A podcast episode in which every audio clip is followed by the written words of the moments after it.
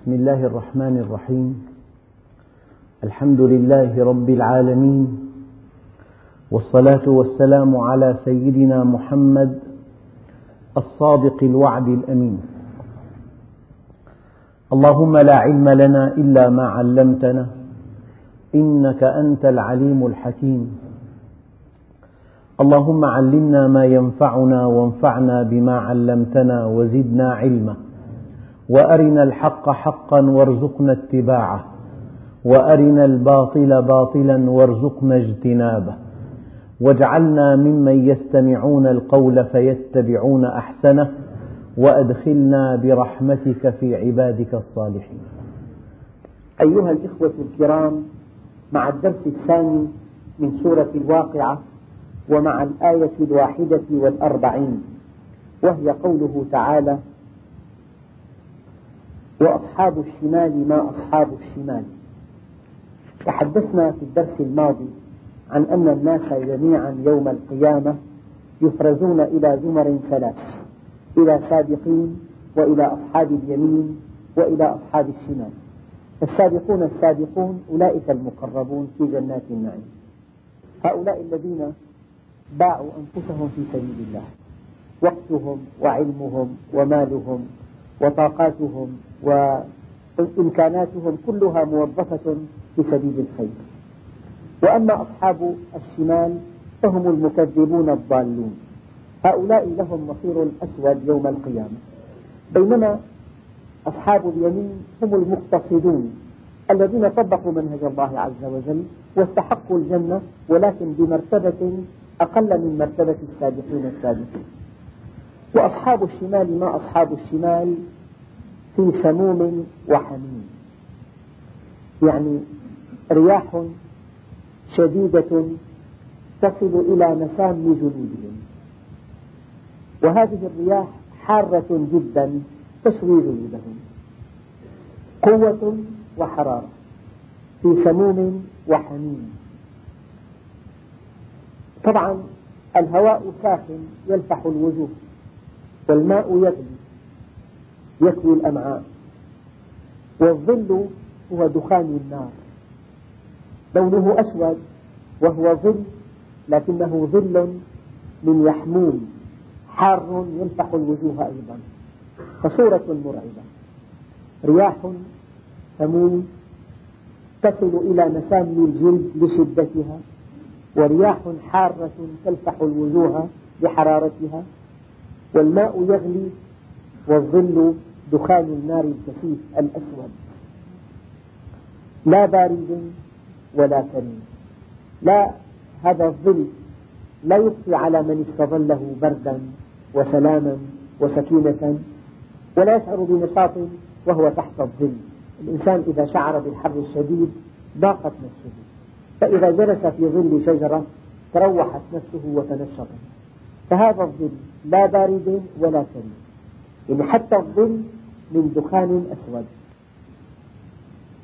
وأصحاب الشمال ما أصحاب الشمال في سموم وحميم وظل من يحموم لا بارد ولا كريم أيها الإخوة هذا كلام الله. ومن أصدق من الله حديثا. هذا كلام الله ووعيده محقق. وكل إنسان شرد عن الله شرود البعير وانحرف في منهجه. هذا مصيره.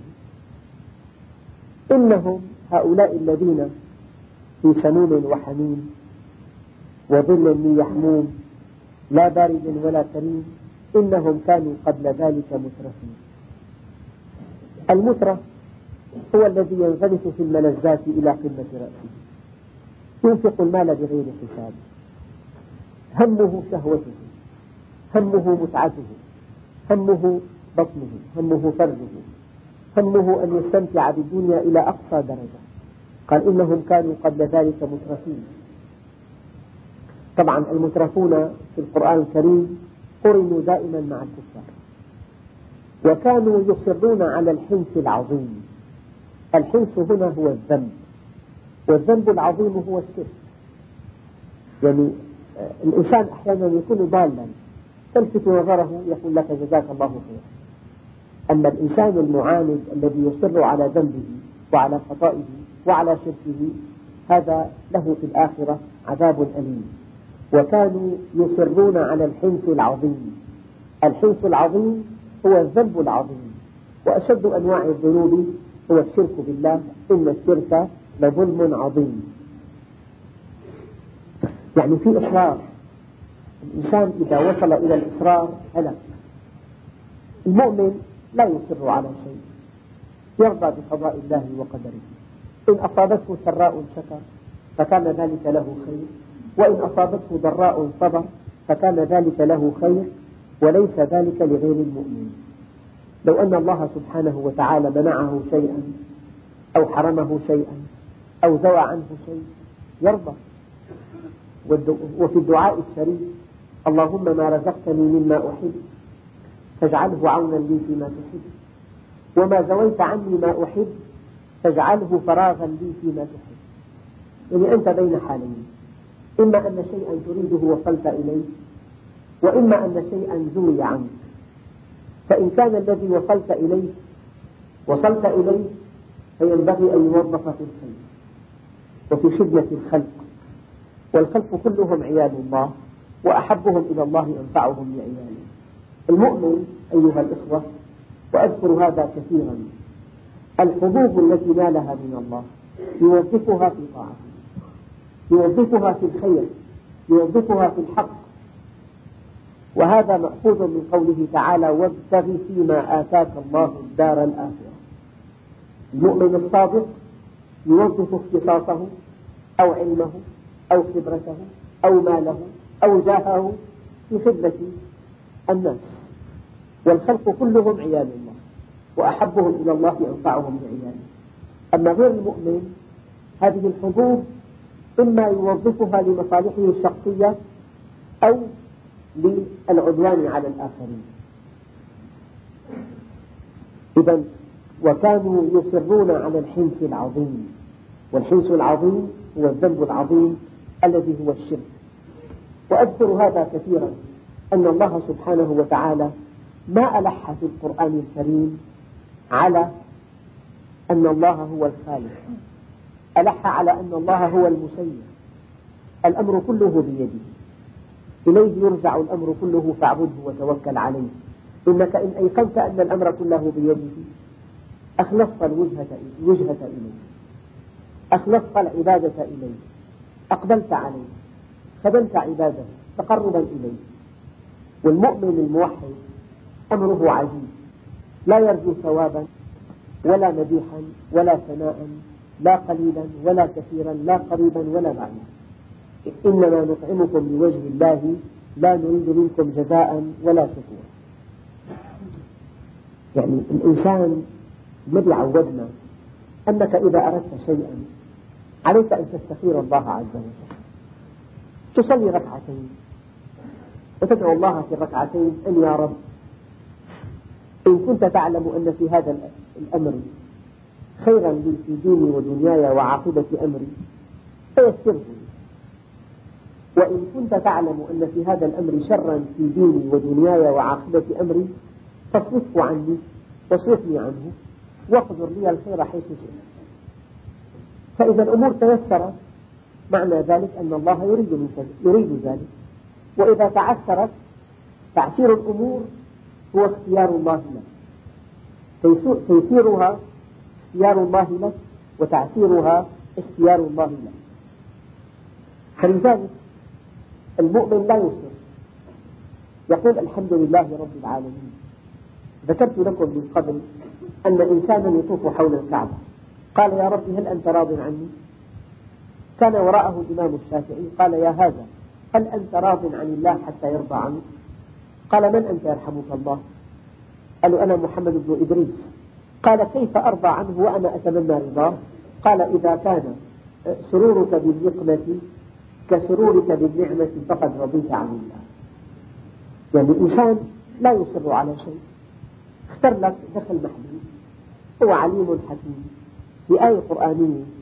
إذا الإنسان قرأها بتمعن وبعمق يقشعر جلده وعسى أن تكرهوا شيئا وهو خير لكم. وعسى أن تحبوا شيئا وهو شر لكم. والله يعلم وأنتم لا تعلمون. الله اختار لك شكل معين قوام معين إمكانات معينة جعلك من والدين فقيرين. هذا اختيار الله لك. اختار لك ذكور فقط إناث فقط إناث وذكور جعلك عقيما.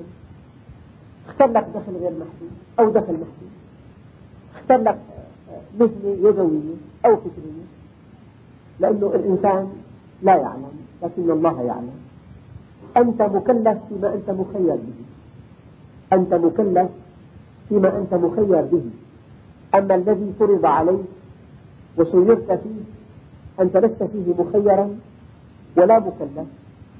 لكنه محض خير لك متعلق بالحكمة المطلقة. هي فكرة أساسية. لذلك المؤمن دائما راضي عن الله. راضي عن الله من أعماق أعماقه. وهذا الرضا سبب لكل خير يأتي إنهم كانوا قبل ذلك مترفين الترف إخواننا الكرام آه الإنسان يسرف أو يبذر العلماء قالوا التبذير في المعاصي والإسراف في المباحات. فمن أكل فوق ما ينبغي فقد أسرف من لبث فوق ما ينبغي فقد أسرف من استمتع بالحياة فوق ما ينبغي فقد أسرف أما من ارتكب المعاصي وأسرف فيها فقد بذر قال تعالى إن المبذرين كانوا إخوان الشياطين وكان الشيطان لربه كفورا. كانوا يقولون أإذا متنا وكنا ترابا وعظاما أئنا لمبعوثون؟ يعني هؤلاء أسقطوا من حساباتهم اليوم الآخر رأوا أن الدنيا هي كل شيء. الحقيقة الدنيا هي سبب للآخرة مزرعة الآخرة. أما إذا جعلتها كل شيء تقع بإشكال كبير. إذا جعلتها كل شيء يقصد أمامك ألف سؤال وسؤال. في بالدنيا قوي وضعيف. فقير وغني وسيم ودنيم ذكي وغبي. يتيم وغير يتيم إنسان يولد من أبوين فقيرين يذوق ألوان الفقر. إنسان يولد من أبوين غنيين. ينغمس في ألوان النعيم. لأن الدنيا هي كل شيء والموت نهاية كل شيء. هناك ألف سؤال وسؤال يقتل إلى الزاهد يا رب لماذا متعت هذا متعة لا حدود لها وهذا حرمته كل شيء. إن لم يكن هناك يوم آخر تسوى فيه الحسابات وتعوض فيه على المقصر ما فاته. يعني الله عز وجل أسماؤه الحسنى كلها آه، محققة في الدنيا. إلا أن اسم العدل هذا الاسم يتحقق كليا في الآخرة. هناك مواقف كثيرة جدا تبدو فيها عدالة الله عز وجل. لكن الحساب الدقيق والحساب الرصيد وإنما توفون أجوركم يوم القيامة. وكانوا يقولون أإذا متنا وكنا ترابا وعظاما أئنا لمبعوثون. فطيب الإنسان خلق من لا شيء خلق من حويل صغير. هذا الحويل صار إنسانا سويا. أليس الذي خلق هذا الحويل إنسانا سويا قادر قادرا أن يعيد خلقه مرة ثانية. أو آباؤنا الأولون قل إن الأولين والآخرين لمجموعون إلى ميقات يوم معلوم. يعني كل بني آدم من آدم إلى يوم القيامة سوف يجمعون إلى حساب دقيق. فأنت الآن في يوم مشهود وقد مدى اليوم المفقود. وسوف تواجه اليوم الموعود. وهناك يوم مورود وهناك يوم ممدود. بين يوم مفقود الماضي ويوم مشهود ويوم موعود ويوم مورود ويوم ممدود. أخطر هذه الأيام هو اليوم المشهود. اليوم المشهود الذي تشهده لأن اليوم المفقود لا جدوى من الحديث عنه وأن اليوم المورود والموعود والموجود متعلق باليوم المشهود فلذلك الإنسان حينما يسمح له أن يعيش يوما جديدا ما دام قلبه ينبض ما دام في الروح بقية فأبواب الخير كلها مفتحة أمامه.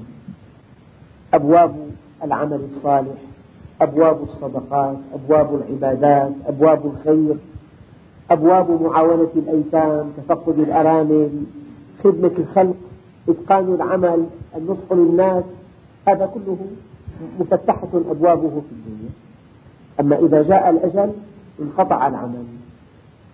يعني عليه الصلاة والسلام فيما أذكر مر على قبر فقال إن صاحب هذا القبر إلى ركعتين إلى ركعتين.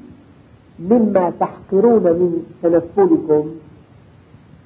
خير له من دنياكم كلها في الدنيا فيها أموال فيها شركات فيها دخول كبيرة فيها بيوت فخمة فيها مركبات فخمة. دنياكم كلها. هذا الميت لا قيمة لها عنده. ولكن ركعتين نافلتين مما تحقرون أنتم. خير له من كل دنياكم فالإنسان بعد أن يموت تختلف المقاييس والموازين. الآن المال له قيمة. أما عند الموت لا المال ولا البيوت كل شيء ما له قيمة. القيمة مقدار ما نفعت الناس في الدنيا.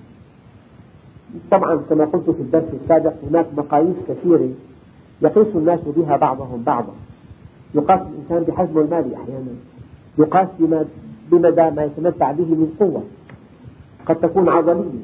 يقاس أحيانا الإنسان بمدى نسبه يقاس بوسامته بذكائه بمحفزه بمن حوله.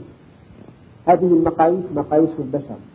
لكن مقياس خالق البشر معرفة الله ومقدار ما نفعت الخلق.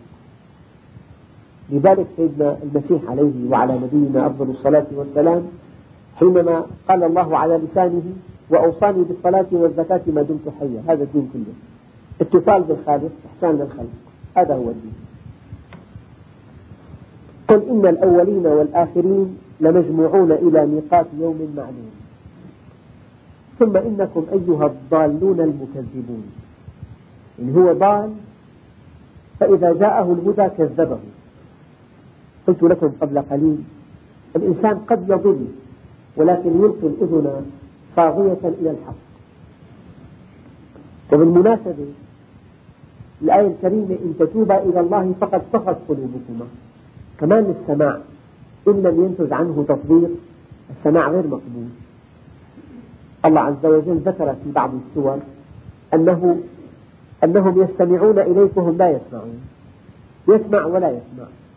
فكأن الله أراد من السماع التطبيق يعني إنسان مثلا يعاني من مرض معين وهذا المرض عضال وقلت له بوضوح ما بعده وضوح هذا الدواء يشفيك من مرضك ودواء ناجح والقائم طبيب فحينما لا يستخدم هذا الدواء معنى ذلك أنه ما استمع إلى الطبيب العبرة من السماع التطبيق.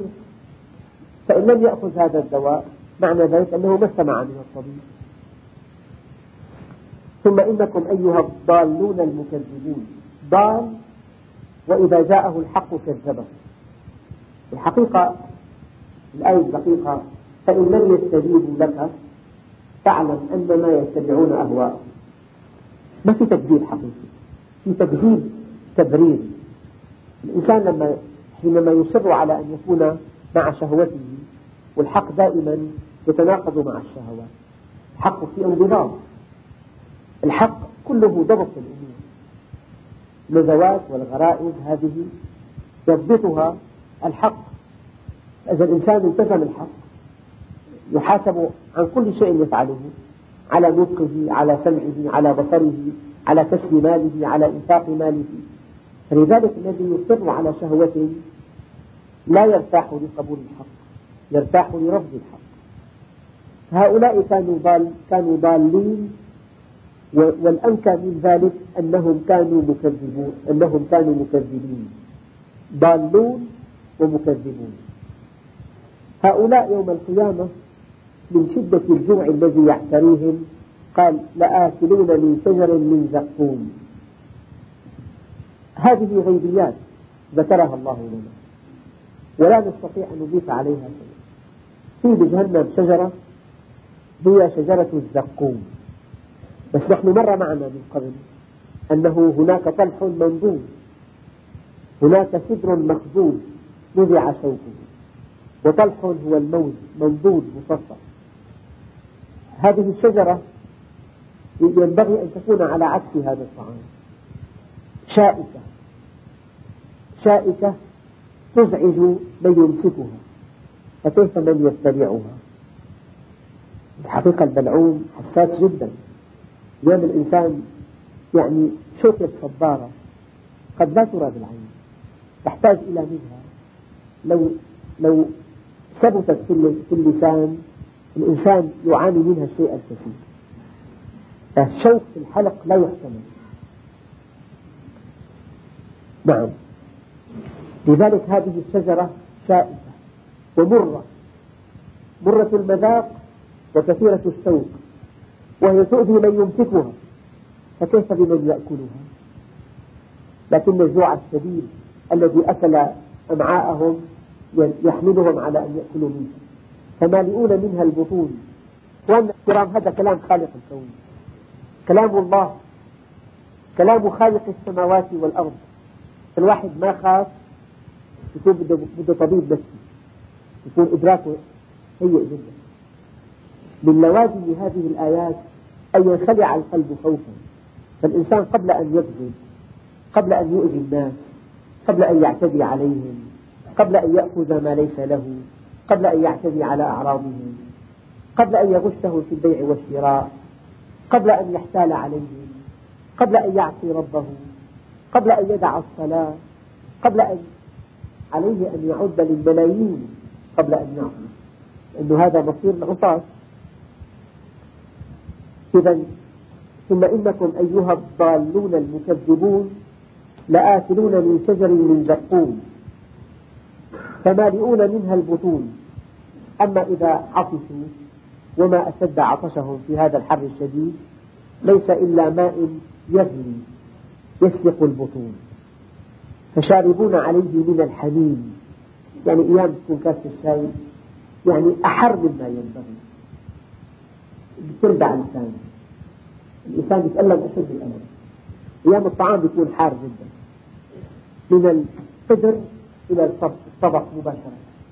فإذا أكل ملعقة واحدة غير منتبه إلى أن هذا الطعام حار جدا واحترق لسانه يبقى يومين أو ثلاثة متألم فكيف إذا كان ينبغي أن يأكل من شجر الزقوم وأن يشرب ماء حارا يغلي؟ فشاربون عليه من الحميم فشاربون شرب الهيم الهيم قال هي الإبل التي أصابها مرض الاستسقاء. هذا مرض خطير. الإنسان مركز اسمه مركز توازن السوائل. هذا المركز ينظم آه، أخذ السوائل وطرح السوائل. الإنسان يأخذ له خمسة لتر بأيام الشتاء أيام الصيف عشرة لتر. أما كلما شرب ماء أكثر كان هذا الشرب صولا لكليتيه بالمناسبة فكرة عربية. الكليتان صولهما بكثرة شرب الماء.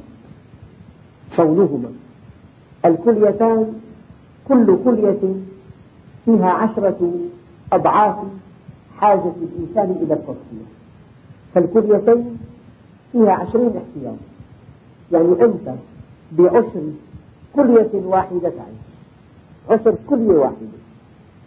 الكلية الواحدة فيها عشرة أضعاف ما أنت بحاجة إليه. الكليتان عشرون ضعفا. هاتان الكليتان طولهما بشرب الماء الكثير. وقد لا ينتبه أناس في هذه الحقيقة. لذلك تشكل البحث في الكلية أحد أسبابها قلة شرب الماء.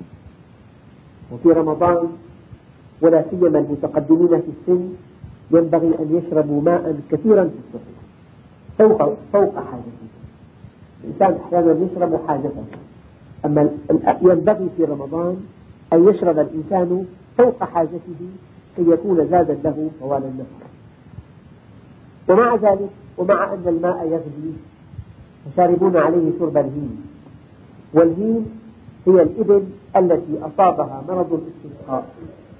ومرض الاستسقاء هو مرض يصيب جهاز توازن السوائل الغدة النخامية وزنها نصف غرام.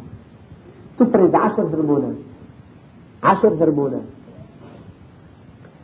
أحد هذه الهرمونات ينظم السوائل. فلو اختلت هذه الغدة وقد لا تصدقون. ينبغي على الإنسان أن يجلس إلى جنب الصنبور والمرحاض لأنه سيشرب عشرات بل مئات الألفار من الماء وسيطرحها كليا فالإبل التي أصيبت بمرض الاستسقاء تشرب ماء غير معقول فشاربون شرب الهيم نعم.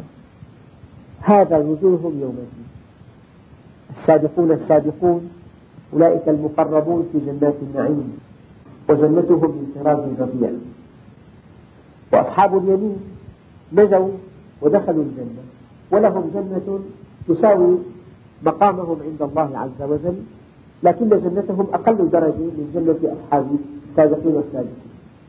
أما الضالون المكذبون العصاة الشاردون المنحرفون الذين يعتدون على الناس قال هؤلاء هم أصحاب الشمال وهذا مصيرهم يوم القيامة. في سموم وحميم وظل من يحموم لا بارد ولا كريم إنهم كانوا قبل ذلك مترفين كانوا وكانوا يصرون على الحنث العظيم وكانوا يقولون أئذا متنا وكنا ترابا وعظاما أئنا لمبعوثون أو آباؤنا الأولون؟ قل إن الأولين والآخرين. لمجموعون إلى ميقات يوم معلوم. ثم إنكم أيها الضالون المكذبون لآكلون من شجر من زقوم فمالئون منها البطون فشاربون عليه من الحميم فشاربون شرب الهيم. هذا نزلهم يوم الدين. مشهد من مشاهد يوم القيامة. مشهد ينخدع القلب له. من الذي يرويه؟ خالق, خالق السماوات والأرض. فالإنسان قبل أن يعصي قبل أن يؤذي أخاه الإنسان قبل أن يعتدي عليه عليه أن يحسب لهذا اليوم حسابا. الحقيقة العاقل دائما هو الذي لا يندم لأنه عاش المستقبل فتكيف معه منذ الآن. أما الإنسان إذا نسي المستقبل وغفل عنه وعاش لحظته واستمتع بالدنيا من دون استقامة على أمر الله. فيأتيه يوم يندم أشد الندم. لذلك ورد أن الإنسان العاصي إذا جاءه الأجل يصيح صيحة لو سمعها أهل الأرض لصعقوا. يقول لم أرى خيرا قط. وأن المؤمن إذا رأى مقامه في الجنة من شدة الفرح يقول لم أرى شرا قط ينسى كل المصائب التي ساقه الله لها في الدنيا ساقها الله له في الدنيا. الآن دعوة إلى الإيمان. الآن في مقدمة مهمة جدا ذكرتها قبل يومين في درس الفجر. هي أن كل إنسان على وجه الأرض كائنا من كان. خمسة آلاف مليون إنسان الآن بالأرض. أنا مصر على أنهم جميعا من دون استثناء لهم مطلبان ثابتان. خمسة آلاف مليون. كل شعوب الأرض في القارات الخمس لهم مطلبان ثابتان. السلامة والسعادة. من من البشر يتمنى مرضا عطالا من من البشر يتمنى ألما لا يحتمل؟ من من البشر يتمنى فقرا مدفعا أو مرضا مفسدا؟ هذا شيء مرفوض عند كل الناس من منا لا يتمنى أن يكون في بحبوحة؟ أن يكون صحيح الجسم؟ بهي الطلعة؟ وسيم القامة؟ له أولاد وأهل في أعلى مستوى؟ هذا شيء طبيعي هذا شيء فطري. ما من إنسان على وجه الأرض إلا ويتمنى السلامة والسعادة. ولكن السلامة والسعادة لا تكون إلا بعد معرفة الله ومعرفة منهجه أبدا. لأنه الصانع الخالق آلة صغيرة لا تعبأ بها. لا يمكن أن تعمل بانتظام وأن تعطي أعلى مردود إلا إذا طبقت تعليمات الصانع. فأنت أعقد آلة الكون ولك خالق وهذا القرآن تعليماته يجب أن تطيعه لا بد من أن تعرفه. السبب هو أن الإنسان إذا عرف الأمر ولم يعرف الآمر دققوا فيما أقول. إذا عرف الأمر ولم يعرف الآمر تفنن في التفلت من هذا الأمر. تفنن لأن الناس في العالم في العالم كله بكل الأديان الزنا معصية السرقة معصية. طيب لماذا يسرقون ويزنون؟ الأمر معروف على مستوى العالم الإسلامي. في مسلم على وجه الأرض لا يجهل أن الزنا معصية وأن الخمر معصية وأن السرقة معصية ومعصية كبيرة. طيب لماذا يسرقون؟ لماذا يزنون؟ لماذا يشربون الخمر؟ الإنسان إذا عرف الأمر ولم يعرف الآمر إذا عرف الأمر ولم يعرف الآمر يتفنن في التفلت من الأمر. لأن قيمة الأمر في قيمة الآمر. كلما ارتفع مستوى الآمر بادر المأمور إلى طاعته. أما إذا عرفت الآمر قبل الأمر تفانيت في طاعته. لذلك السلامة والسعادة لا بد لها من طاعة الله عز وجل. وطاعة الله لا تكون إلا بمعرفته. والله سبحانه وتعالى يستحيل عليك أن تدركه بحواسك لا تدركه الأبصار. يستحيل أن تعرف الله بحواسك لا تعرفه إلا بعقلك ومن خلال خلقه.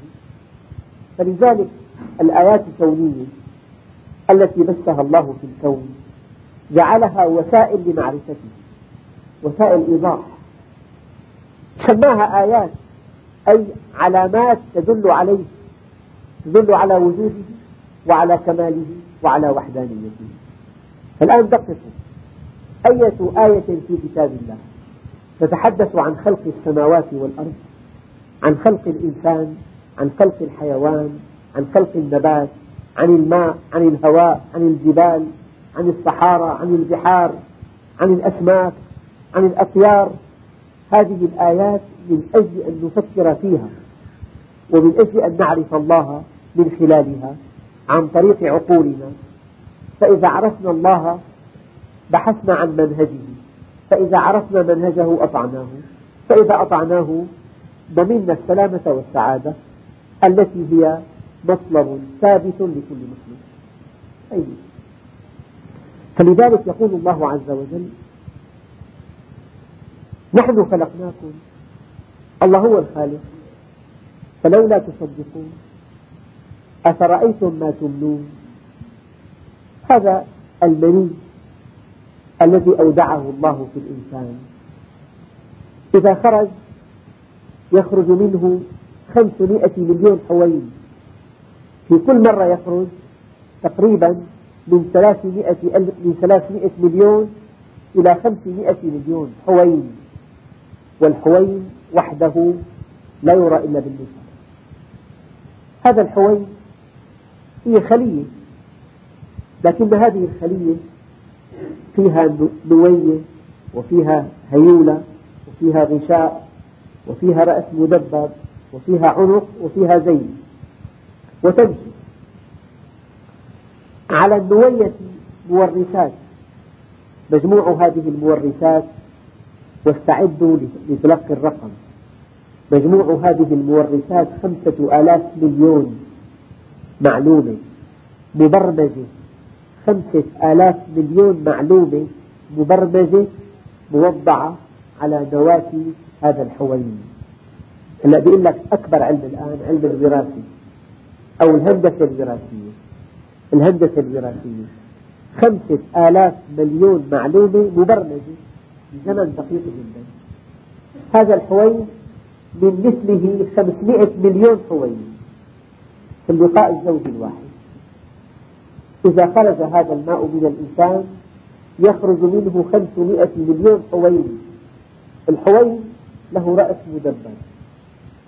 على هذا الرأس غشاء سريع التمزق. تحت هذا الغشاء مادة نبيلة تذيب جدار البويضة. هذا الرأس المدبر بعده في عنق وبعد العنق ذيل الذيل مهمته يتحرك فيمشي هذا الحوين يمشي بسرعة عشرة سم في الساعة.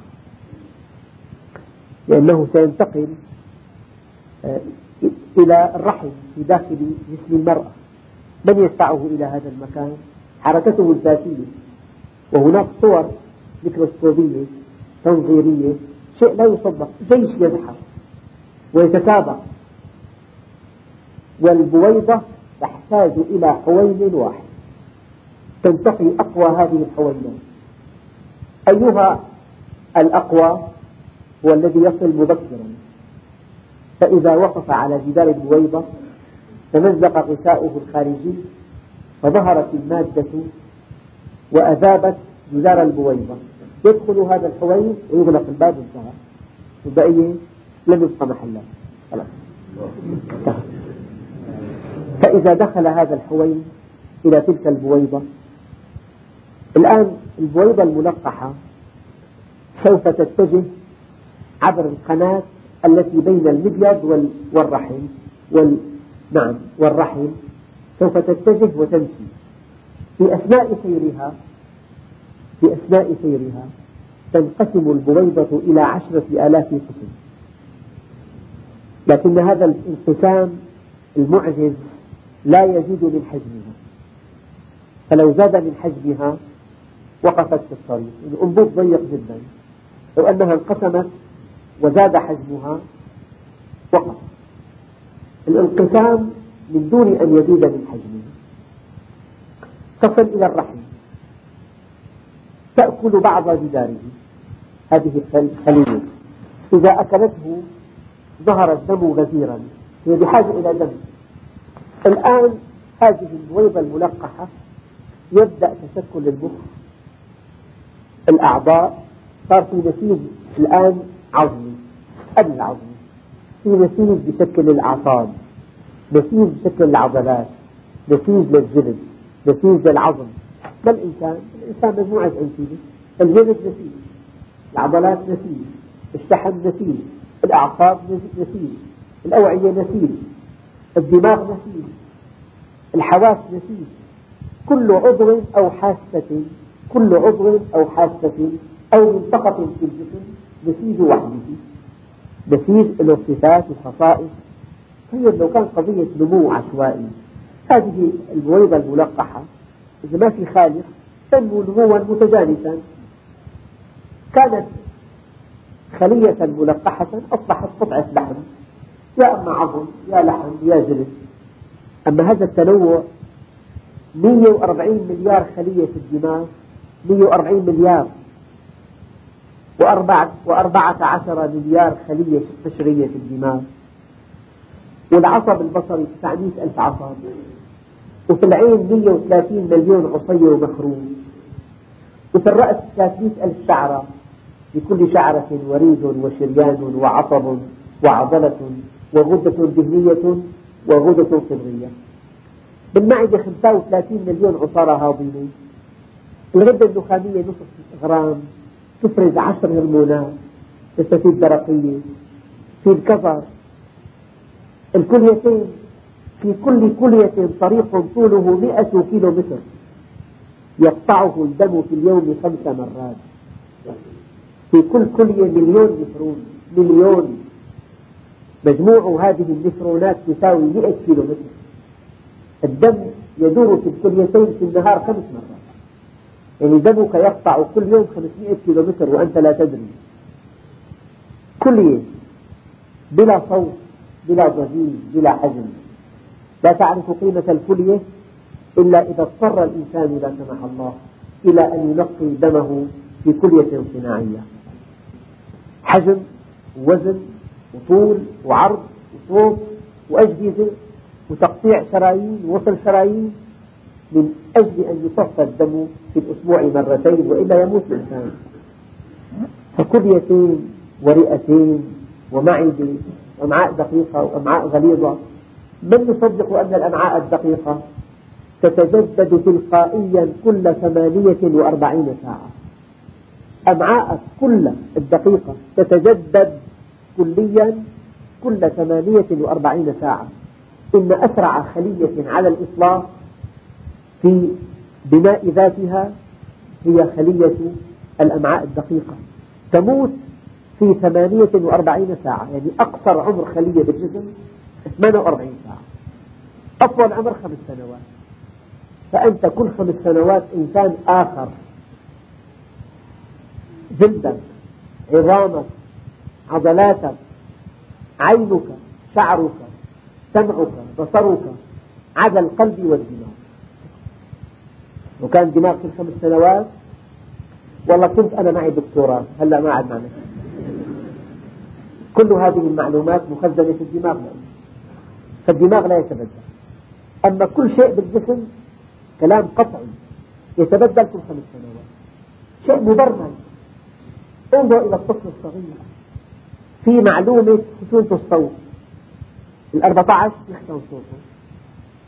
ما كان صوت. كان صوته كالبنات. فلما كبر خشن صوته. هذه معلومة مبرمجة. يعني خمسة آلاف مليون معلومة مبرمجة مودعة. على نوية الحوين المنوي الذي لا يرى بالعين. هذا شيء معجز قال نحن خلقناكم. ماذا فعل الأب؟ الأب وضع هذا الماء وانتهى الأمر. طيب ماذا فعلت الأم؟ ما سوت؟ من طور هذه هذا الحوين وتلك البويضة وهذا الانقسام وهذا التشكل؟ في واحد ما في عنده أولاد؟ هذا ابنك أمامك. نقطة ماء كان. رأس دماغ ثلاثيث بصلة كسائية عمود فقري آه، فقرات غضاريف أوعية. الشريان لحاله قلب. الشريان قلب أخواننا. الشريان مرن. لما القلب يضغط يضغط. الشريان لأنه مرن بيتوسع. لما بيتوسع ما معنى مرن؟ سيعود إلى ما كان عليه. فإذا عاد إلى حجمه الطبيعي دفع الدم نحو الأمام. فالشريان قلب آخر. القلب ينبض والشرايين تنبض بدورها الدم إلى أطراف الجسم. ولحكمة أرادها الله عز وجل جعل شرايين الشرايين عميقة. والأوردة سطحية. لو الآية معكوسة لو إنسان أصابته سكين جرحت يده ينزف دمه كله في دقائق ويموت. أما الشرايين عميقة وكل شيء تحت الجلد أوردة دم راجع بطيء طيب ذكر لي طبيب قبل يومين. قال هناك في الأنف طبقة شرايين كثيفة جدا. إلا أن الذي يلفت النظر فيها أن أغشيتها بالغة الرقة وضعيفة جدا. فلمجرد أن يرتفع الضغط ضغط الدم هذه الجدر الرقيقة الهشة تتمزق فورا. فيكون الرعاة. ما هو الرعاة؟ الرعاة إشارة إلى أن الضغط قد ارتفع. إشارة وعلاج ذاتي. فإذا رعف الإنسان وتخلى عن بعض دمه عاد الضغط طبيعيا. إذا آلة غالية كثير تعمل لها فيوز وصلة سلك ضعيف جدا. فإذا ارتفع التيار 230 بدون السلك تحترق حقه ليرتين بالآلة حقها ملايين فإذا الإنسان ارتفع ضغطه الله هيأ منطقة بالأنف شرايين ذات جدر رقيقة جدا هشة تكاد تكون شفافة على أدنى ضغط تتمزق ينزل الدم معناه ارتفع الضغط انتبه لحالة الضغط وجود الدم بالأنف بعض الأحيان دليل ارتفاع الضغط. قال نحن خلقناكم. فلولا تصدقون أفرأيتم ما تمنون أظن هذه الحوينات المنوية. هي بال 25 بال تقريبا بال 38 بتموت تموت في درجة 38 لذلك مكانها في الخصية والخصية خارج الجسم في درجتين بين الجسم والخصية درجتين. فلو أن الحوينات مكان داخل الجسم كلها بتموت هي حقيقة وهذه الخصية لها وظيفة كبيرة. الحوين الذي يخرج بثوبه مضى على تصنيعه ثمانية عشر يوما. معمل الحوينات المنوية. يمضي عليها ثمانية عشر يوما. ولذلك قال تعالى أفرأيتم ما تمنون أأنتم تخلقونه أم نحن الخالقون؟ أيام الإنسان يعني بلا تشبيه بتكون جهاز معقد جدا جدا حقه ملايين. كبسة زر بيشتغل معه؟ اللي شغله غير اللي صنعه التشغيل سهل. ممكن تركب أحدث مركبة وأنت تجهل كل ما فيها إلا القيادة. ممكن تستخدم حاسوب من أعلى مستوى وتجهل ما فيه. ممكن تستخدم مكيف. معقد جدا. ثلاث زر يشتغل مكيف؟ فشتان بين من يستخدمه وبين من صنعه. أأنتم تخلقونه أم نحن الخالقون؟ نحن قدرنا بينكم الموت وما نحن بمسبوقين. طبعا الموت مصير كل حي. أيها الإخوة يعني نحن دخلنا في آيات كونية وكما قدمت لكم قبل قليل لن تطيعه إلا إذا عرفته. ولن تعرفه إلا بعقلك ومن خلال الكون. فالآيات الكونية هي طريق وحيد إلى معرفة الله عز وجل. نحن قدرنا بينكم الموت وما نحن بمسبوقين على أن نبدل أمثالكم وننشئكم فيما لا تعلمون. والحمد لله رب العالمين.